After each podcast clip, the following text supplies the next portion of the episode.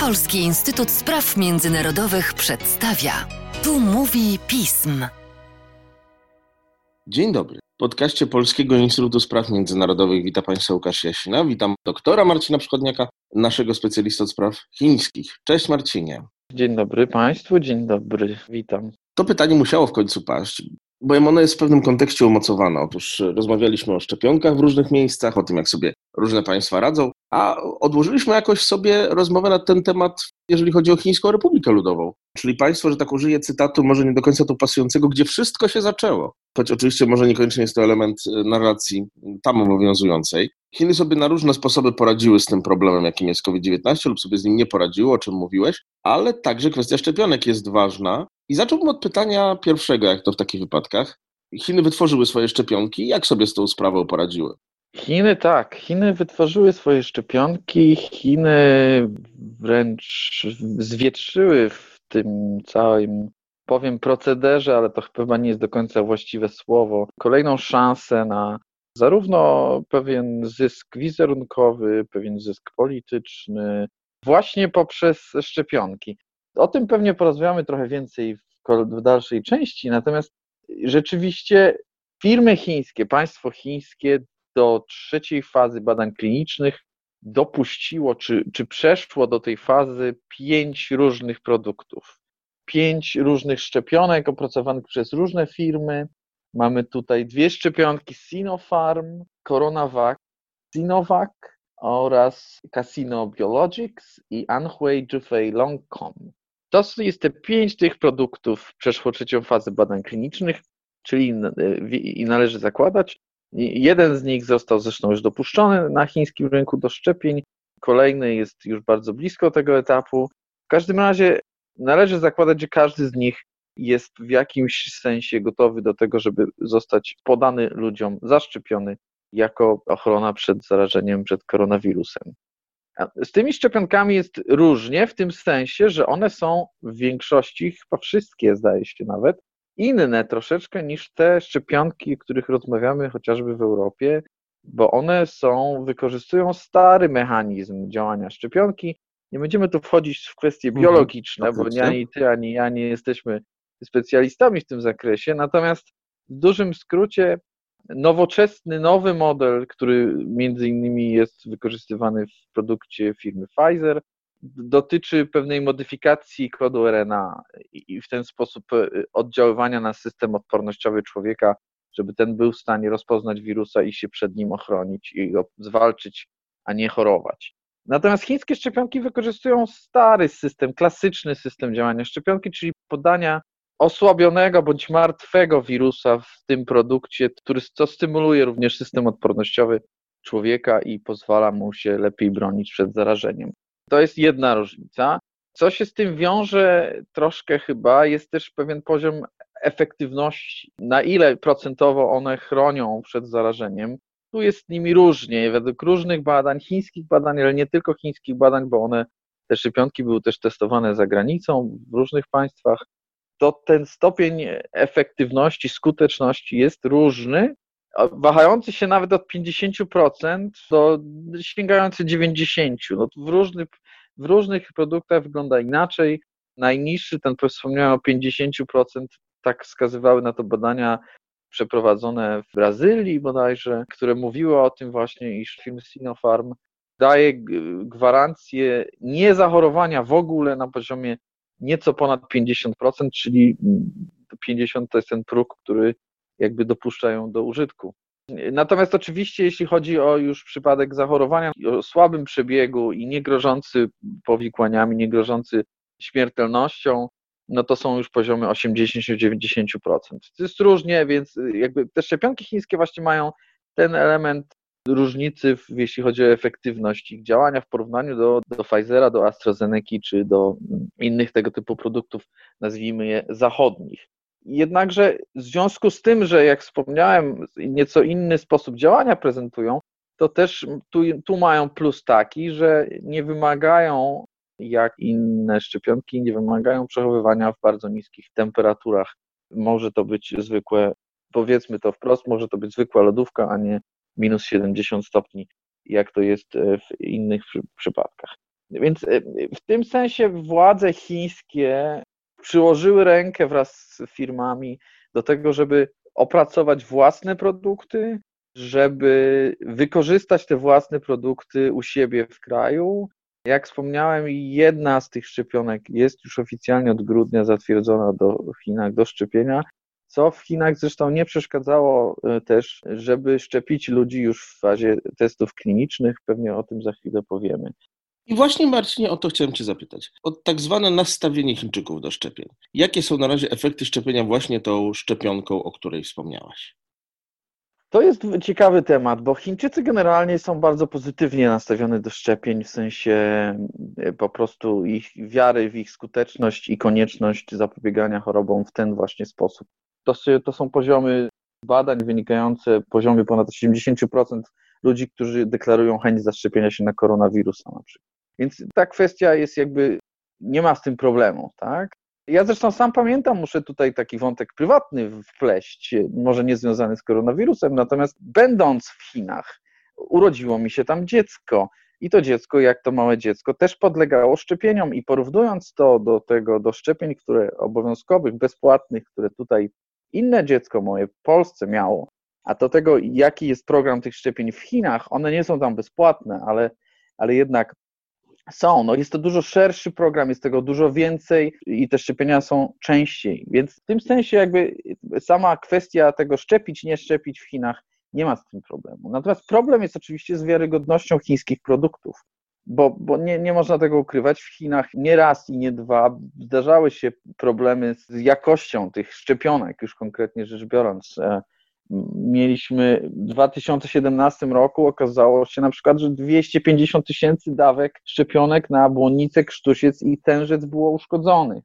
W latach 2013-2016 zmarło, miało umrzeć z powodu niedoskonałości tych produktów 21 dzieci. Więc tu jest ten problem. Chińczycy, i to, to jest szerszy problem, oczywiście dotykający nie tylko szczepionek, ale jak w tym konkretnym przypadku Chińczycy nie do końca ufają rodzimym producentom i nie do końca e, są skłonni do tego, żeby tak ochoczo i z zapałem e, przyjmować produkty własnych producentów, w tym właśnie e, szczepionkę na koronawirusa.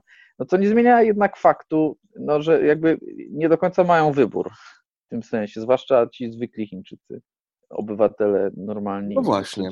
Nie urzędnicy ponieważ nie urzędnicy, nie politycy, bo to o tym też za chwilę możemy powiedzieć, ale nie ma tu informacji y, dostępnych publicznie, oficjalnie, natomiast są pewne pogłoski czy elementy, które pozwalają sądzić, że tutaj ten proces przebiegać może trochę inaczej, jeśli chodzi o polityków czy urzędników chińskich wysokiego szczebla. Natomiast sami obywatele no ten, ten, proces, znaczy władze chińskie zdają sobie sprawę z tego, że tu może być problem z zaufaniem, no i także z tego, że, że, że jakby mają do wyszczepienia troszkę więcej ludzi niż inne państwa na świecie.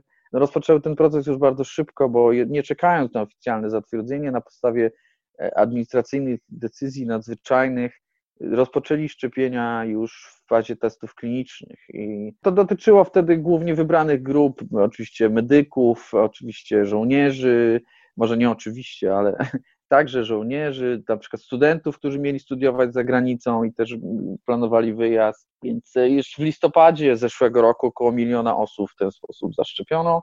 Pod koniec grudnia, jak powiedziałem, zatwierdzono jeden z produktów firmy Sinopharm do użytku i zakładano, że do 12 lutego, czyli do nowego roku chińskiego, zaszczepionych zostanie około 50 milionów osób.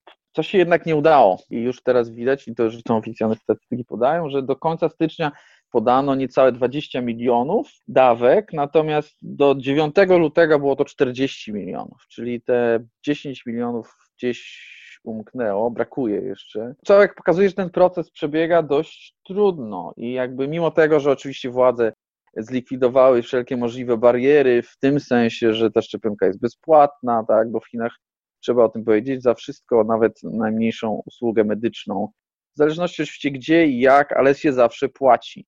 Ta szczepionka ma być bezpłatna, no to jednak ten proces nie przebiega tak, jak mógł przebiegać z różnych powodów. Może jeszcze powiem o, też o tych właśnie urzędnikach, politykach, bo tu jest ciekawa kwestia, bo w Chinach nie zobaczymy zdjęć e, polityków szczepiących się na koronawirusa.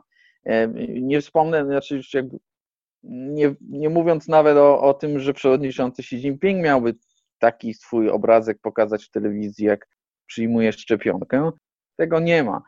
No oczywiście nie tylko w Chinach tego nie ma, ale jakby to, to jest pewien element, który pokazuje, że, no, że, że jakby nie do końca pewną transparentność tego procesu. Wiadomo też, że Chińczycy oczywiście mają swoje produkty, ale także zakupili e, pewną część produktu szczepionki firmy Pfizer, którą, jak można by domniemywać, nie jest to wiele, to bodajże jest około 100 milionów dawek chyba, można by domniemywać, że właśnie nią, jakby z tego powodu, że te chińskie produkty mają różną efektywność, że można mieć różne podejście co do ich wiarygodności, a w każdym razie nie ma pewności co do tego, nie ma oficjalnych danych, a transparentność tego procesu jest dość niska co do ich skuteczności, że ta szczepionka firmy Pfizer zostanie właśnie wykorzystana do podania osobom o szczególnym charakterze i o jakby szczególnym znaczeniu dla Chińskiej Republiki Ludowej.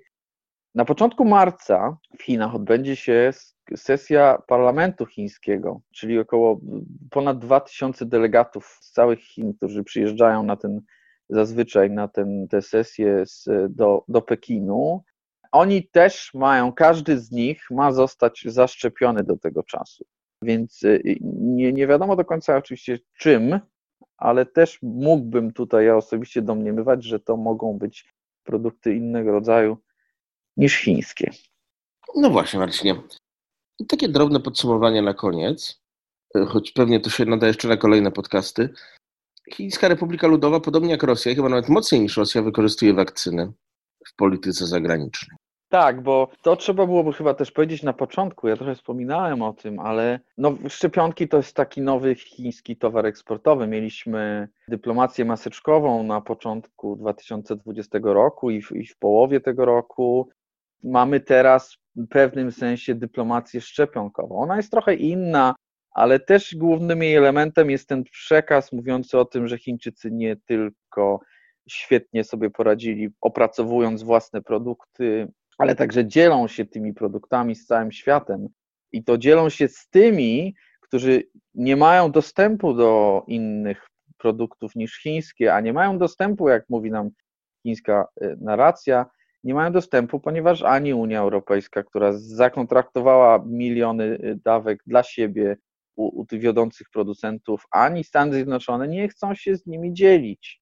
Nie podchodzą do tego problemu altruistycznie, nie podchodzą do tego problemu tolerancyjnie czy z pewnym poszanowaniem innych partnerów, natomiast biorą wszystko dla siebie, już tak kolokwialnie rzecz ujmując.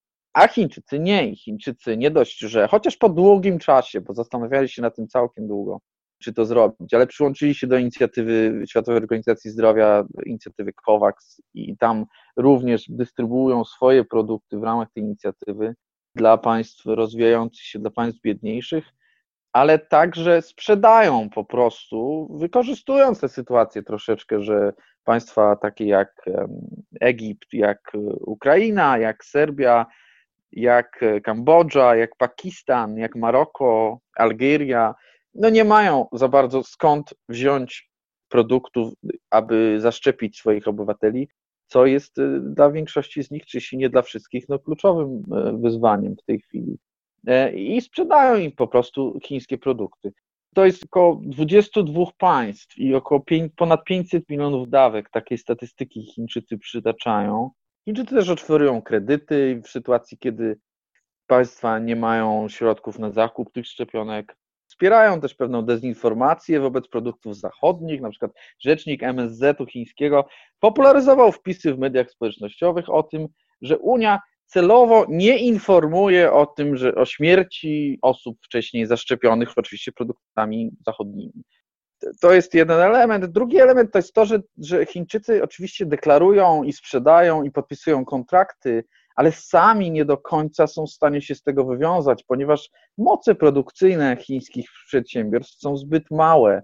Już mówiłem o tym, że statystyki zaszczepień w Chinach są niższe niż zakładano. To też z tego wynika. Po prostu w Chinach tych szczepionek brakuje.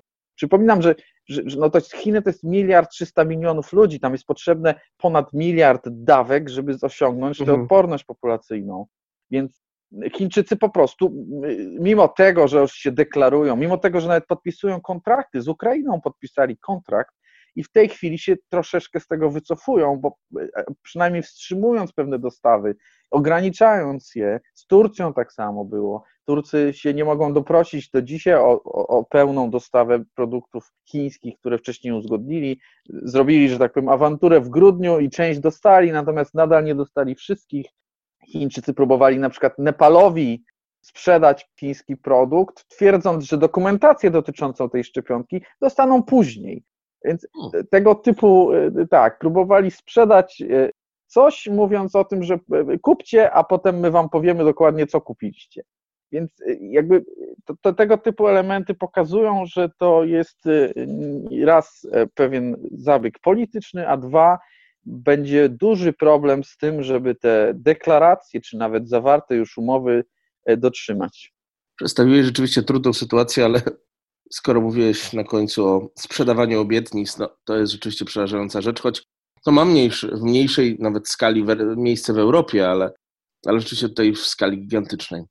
Marcinie, dziękuję Ci bardzo za podcast i polecam Państwu czytanie tekstów Marcina Przychodniaka na stronie pism. Dziękuję bardzo. Tak, już niedługo zresztą na ten sam temat większy tekst się ukaże.